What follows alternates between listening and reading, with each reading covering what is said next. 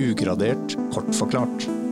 En podkast fra Forsvarets forskningsinstitutt.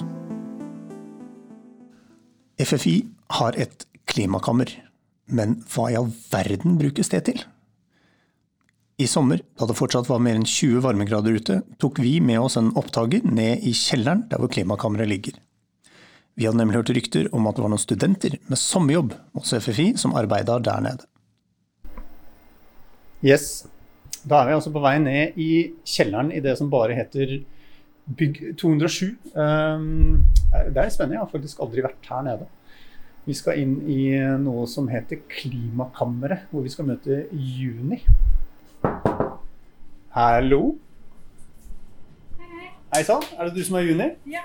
Her står det altså Juni sammen med eh, en ung herremann og hjelper han med å ta på seg både jeg ser her er ullsokker og det er regnbukse. Eh, hva, hva er det egentlig du holder på med?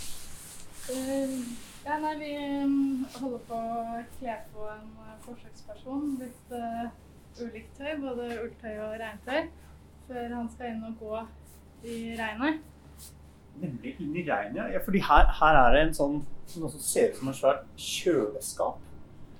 Med en dør. Hvis du åpner, så hører du regnet sikkert. Her kommer det sikkert en glatte og vann. ok, hva, hva er det her for noe? Det er klimakammer? Ja, det stemmer. Ok, Og det bruker dere til å Da kan vi styre temperaturen, eh, også om det er eh, regn eller ikke. Så man kan lage litt ulike forhold, da. For okay. værforhold. For å teste bl.a. klær, da. Ja, og det bruker dere til å teste militært utstyr? Ja. Ja.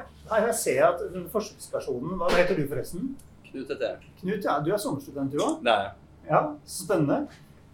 Du har, altså Knut har masse ledninger eh, som er festa til kroppen, eh, som stikker ut av buksa her. Hva er det de måler for noe? Eh, de måler eh, bl.a. temperatur og fuktighet, eh, som da måles hele tiden under, under forsøket. Ok. Eh, og eh, så måler vi også eh, hjertefrekvensen og oksygenopptak. Ok, så Hvorfor det? Eh, det er for å måte måle hvordan eh, Ha litt sånn objektive mål på hvordan kroppen har eh, enten blitt eh, måte nedkjølt eller og, og varmet opp da, under okay. forsøket. Ja. Og ja. Nemlig. Men, men Juni, hva, hva slags, hva du, hvor kommer du fra? Altså, hva er det du egentlig studerer? Jeg studerer medisin. Aha.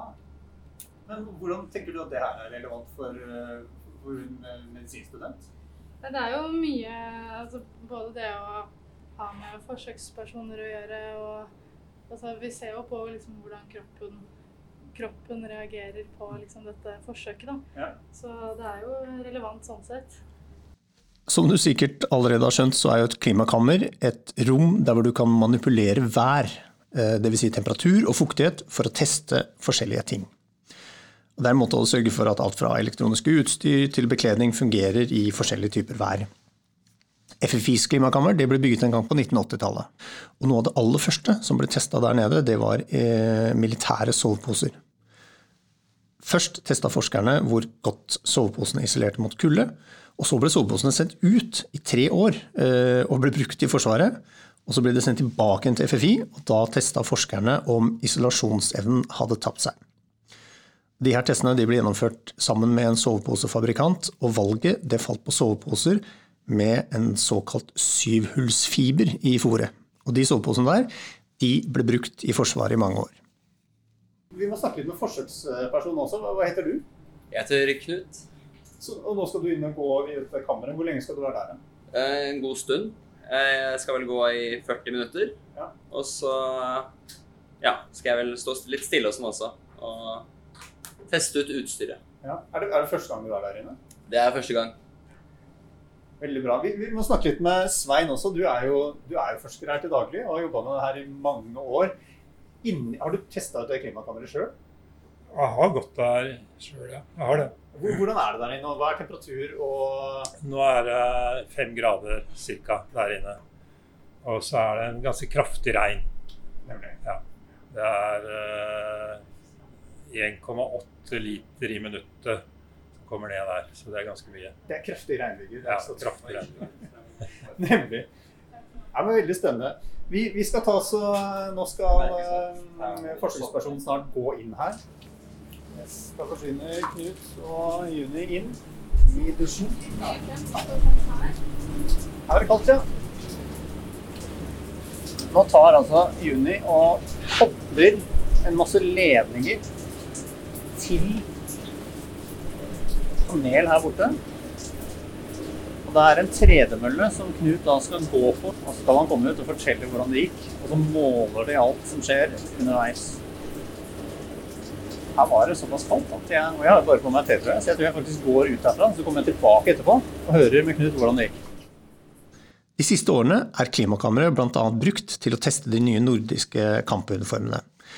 Og det var tester i FFIs klimakammer som gjorde at to av leverandørene, to av de potensielle leverandørene i hvert fall, ble strøket fra lista fordi uniformene de hadde, slapp inn altfor mye vann. Så er sånne målinger litt mer kompliserte enn det kanskje høres ut, fordi soldatene svetter når de går, og det må tas med i beregningene. Og Derfor så måler forskerne soldatenes pust, altså respirasjonsdata, puls og kroppstemperatur under forsøkene. Og Da de, disse kampuniformene skulle testes ut, så ble det mye hakking med tennene for testpersonene som hadde de dårligste uniformene. For de skulle først stå stille i 10 minutter, og så skulle de gå fort i 40 minutter, og så skulle de stå stille i 20 minutter igjen. Og alt det her skulle skje i det jeg kaller ekte trøndersk drittvær, dvs. Si under fem grader og jevnt øsregn. Nå var det ikke noe fare for hypotermi, altså nedkjøling, hos, hos, de testpersonene, eh, men det kan det bli hvis mannskapene skal ut i ekte dårlig vær med dårlig bekledning. Derfor er det viktig å teste utstyret nøye. Yes, Men nå skal du eh, sette deg ned og analysere disse dataene her. Hva er det egentlig som kommer ut av det? Uh, ja, altså først så Nå så tar vi og veier alle klærne for å se ja, hvor hvor mye fuktighet som har blitt uh, akkumulert. Mm. Og, så, og, så, skal vi jo analysere det og se hvordan, uh, ja, hvilke parametere vi har fått. Hvorfor er det interessant? Hvor mye klærne veier? Det er jo for å se rett og slett hvor mye, hva de veide før og etter forsøket. Om de har f.eks.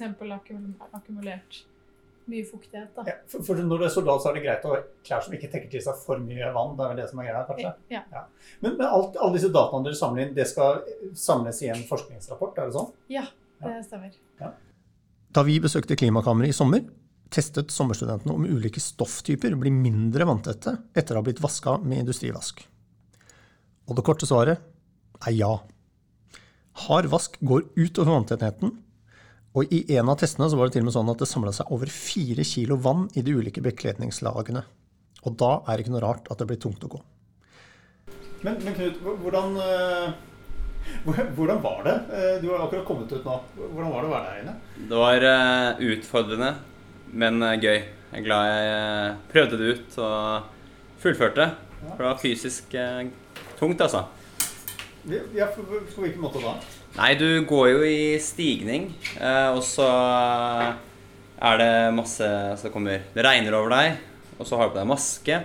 Så de skal på en måte måle alt mulig rart. Eh, og hvordan kroppen reagerer på dette det, med det tøyet, da. Men eh, ja, så det var tungt. Ja, du var ikke inne på å bryte? Jeg var nok det, men jeg tenkte at det her skulle jeg klare. Ja, Veldig bra. Gratulerer. Ja.